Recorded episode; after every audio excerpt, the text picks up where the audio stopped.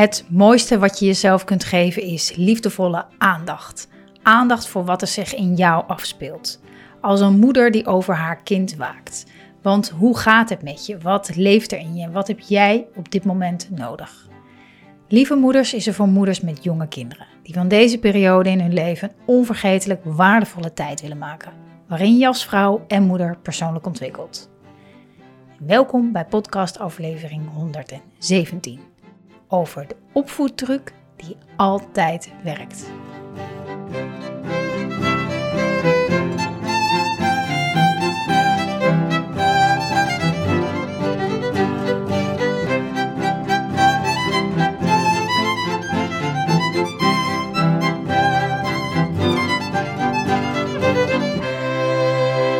Lieve, lieve moeder, wat fijn dat je kijkt, dat je luistert naar podcast 117 over de opvoedtruc die altijd werkt. Ja, ja, ga maar vast op het puntje van je stoel zitten. Ik ga het zo met je delen. Ehm, en dat met dank aan een hele lieve Instagram-volger die mij uh, een hele mooie vraag stelde. En ehm, ja, wat mij bracht om dit met je te delen. Afgelopen dagen heb ik veel uh, dingen afgerond, opgeruimd en ook afgemaakt. En uh, ja, deze week start dan het nieuwe moederschapprogramma weer voor de tweede ronde.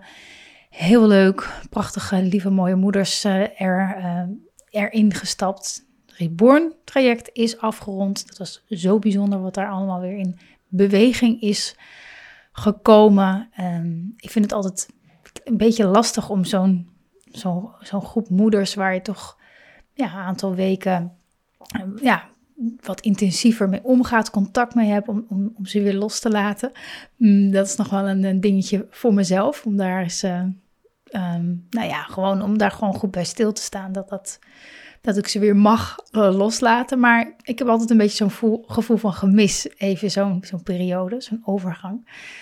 Um, ja, ook in mezelf merk ik dat ik, uh, merk ik steeds beter wat ik het aller, aller, allerliefste doe. En ja, dat komt mede door Reborn en het nieuwe moederschapprogramma. Dat ligt zo dichtbij waar ik in geloof, waar ik voor sta, wat ik het allerliefste doe. En ook de manier waarop ik dat het allerliefste doe en deel. Dus um, ja, uh, heel tof dat dit kan. Um, de vraag in de podcast um, van deze lieve moeder uh, die mij volgt uh, en zij mij stelde. Die vraag neem ik als uh, uitgangspunt, als start um, van deze podcast. En eigenlijk is de vraag, is dat de frustratie, is dat waar ze meer inzicht in wil? En we allemaal zo onze dingen hebben waar we meer inzicht in willen, of onze frustraties, onze valkuilen, dat zijn altijd de openingen. Dat zijn altijd de openingen om vanuit daar te, te gaan kijken, waar, waar gaat het precies over? Wat is, wat is de vraag daaronder? Waar gaat het werkelijk over? Of wat is het werkelijke probleem, als het ware? En de vraag die ik kreeg gaat over het volgende. Ik vat het even samen, want het was een heel, eh, heel, eh, heel stuk. Het ging over de peuter. Een peuter die een, een, een boek en een, en een lepel op de grond had gegooid tijdens het uh, avondeten, denk ik. En de moeder schrijft dat ze op dat soort momenten, en ik vond het zo mooi geformuleerd, ze schreef, op dat soort momenten als dat gebeurt, dan neem ik een shortcut. Een shortcut. Ik, ik vond het een mooie term voor wat zij bedoelde met, ja, dan, de shortcut was, is dan, ja, een consequentie daaraan geven, of een dreigement, of een straf, zoals ze schreef. En in dit geval was het, uh, had ze gezegd van, nou, geen toetje voor jou. En ik, ik denk dat we dit allemaal wel herkennen. Die, die, zo die instant onmacht en de, de wil om, om dit gedrag direct aan banden te leggen. Misschien, ik, ik herken het zeker, dat gevoel. En ze schrijft natuurlijk, um, ze schrijft, um, uh, dat, ze schrijft erbij van natuurlijk is het niet eerlijk om, om eten in te zetten als beloning of als, als middel. Maar ik merk dat ik even niet goed weet hoe ik dat anders op kan lossen. Herkenbaar, denk ik. Dus ik neem je mee. Ik neem je mee. En allereerst, um, ik, ik krijg wel eens vragen als: verlies jij, ik dus, dan nooit je geduld? Gaat bij jou altijd dan alles maar goed? Ehm, nee, absoluut niet. Daarom ben ik lieve moeders begonnen. um, ik twijfel, ik maak fouten, ik, ik weet het soms niet. En ook, wat ik mezelf heb aangeleerd, leer, aanleer, is open te staan. Durven het, het niet te weten.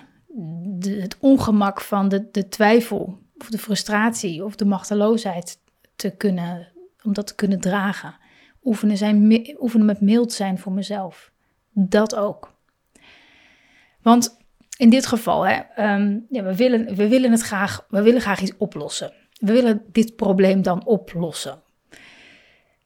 En als we dat dan niet weten hoe we dat kunnen doen, of het lukt niet, of het lukt niet op de manier waarop we het willen, hè, misschien liefdevol en geduldig, en je bent geduldig en nog veel geduldiger, dan ineens is het gewoon klaar. Dan grijpen we vaak terug naar wat altijd lijkt te werken. Naar hoe we vaak zelf zijn grootgebracht de opvoedtruc, laat ik het zo noemen, die, die altijd lijkt te werken, waar je altijd naar terug kan grijpen, ehm, waar je elk probleem mee op kan lossen. Uh, en tenminste, dat is onze overtuiging. Dat is wat we vaak denken. Oké, alles wat ik heel graag wil, dat, dat werkt niet voor mijn kind. Dus ik ga, ik ga met een gestrekt been erin. Consequenties dreigen, manipuleren. Zo het hele um, rattenplan inzetten om maar te zorgen dat mijn kind in ieder geval stopt. Of snapt dat dit echt niet kan. En dan nu de introductie van de opvoeddruk die, die, die, waarvan ik zeker weet dat, je, dat het meer dichter bij je, bij je ligt, beter bij je past. Wat vanuit vertrouwen komt, vanuit liefde waar je ook altijd naar kunt teruggrijpen, waar je ook elk probleem mee kan oplossen, en namelijk het volgende. Zwijgen. niks zeggen. Even wachten met handelen. Met praten. Met in actie komen. Probeer op die momenten dat dit gebeurt, je reactie zo lang mogelijk uit te stellen. Nou, dat klinkt best simpel, maar wat het zo ontzettend moeilijk maakt, is dat onze mind vanuit ego, die gaat totaal op tilt. Die gaat totaal op tilt, want er moet iets gebeuren. Hè? Dit kan toch niet? Als je nu niet ingrijpt en duidelijk maakt dat dit niet kan, dan, dan, dan blijft je peuter dit doen, of je kleuter, of je oudere kind. Dan blijft ze dit doen. Dus gaat dan, gaan die gedachten, hè, wat ga je doen? Doe iets. Dat, dat gevoel. Dat, zou die gedachte kunnen zijn. En vanuit die paniek, vanuit die angst, ga je dan van alles doen. Zodat het stopt. Als het maar stopt. Als het maar duidelijk is dat dit niet kan. Alleen, um, dit, dit, dit werkt alleen op korte termijn. Op korte termijn werkt dit meestal wel. Maar voor de lange termijn verlies je er veel mee. Je verliest er veel mee.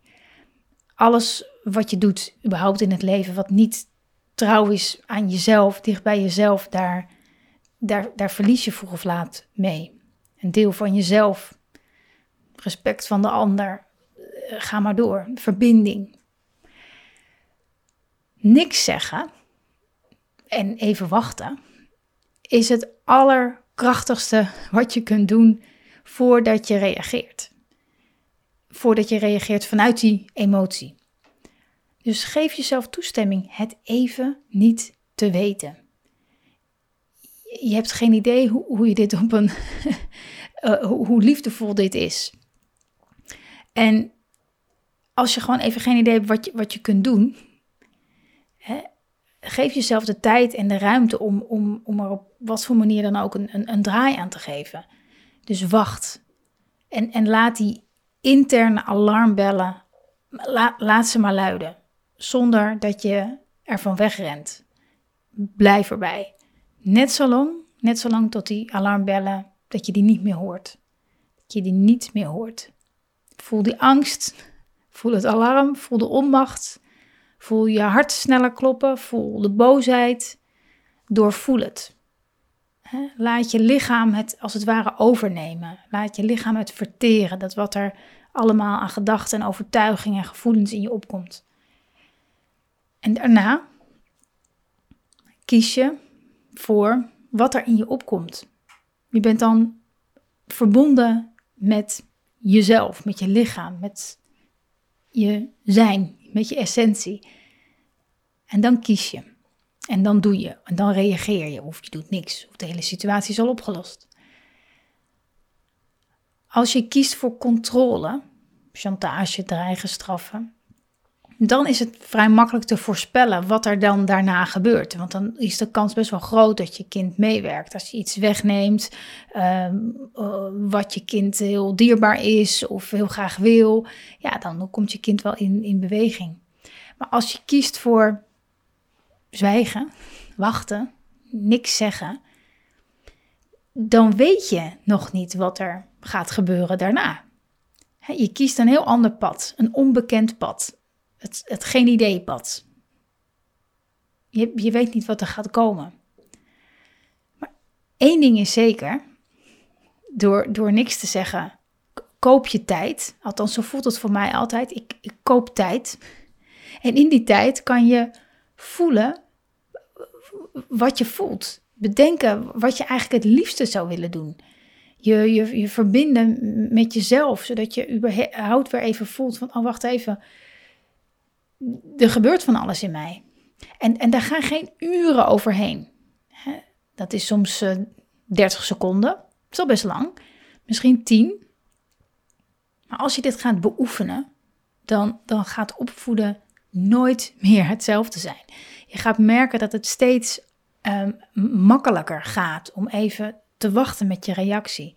Zeker als je gaat begrijpen waarom iets je raakt. In dit geval, deze lieve moeder, daar was de, de aanleiding was... een kind zit aan tafel, gooit een boek en een lepel op de grond. Kinderen, kunnen soms ook nog een beetje naar je kijken. Zo van, ik ben heel benieuwd wat er nu gaat komen. en dan doe jij niks. Helemaal niks.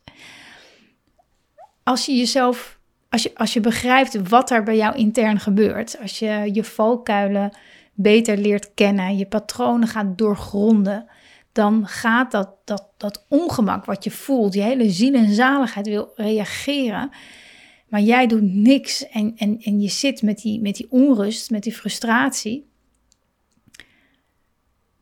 Je gaat merken dat je dat steeds makkelijker kan dragen, kan verdragen. Niks zeggen, zwijgen, stilte, dat, dat brengt je daar waar je wil zijn. Namelijk, je krijgt daardoor helderheid. Je krijgt een antwoord. Of je voelt een antwoord of een impuls van wat je graag zou willen doen. Of wat misschien handiger is. Of je maakt echt de baan vrij, de ruimte vrij voor iets anders. Ik deel ook wel eens in, uh, in, in cursus en zo. Ik heb het ook wel eens in podcast denk ik gedeeld. Hè, de bereidheid om het anders te zien. Oké, dit is de situatie. Dit is mijn mijn standaard reactie. Dit is wat ik denk dat het beste is. Ik reageren, geen toetje.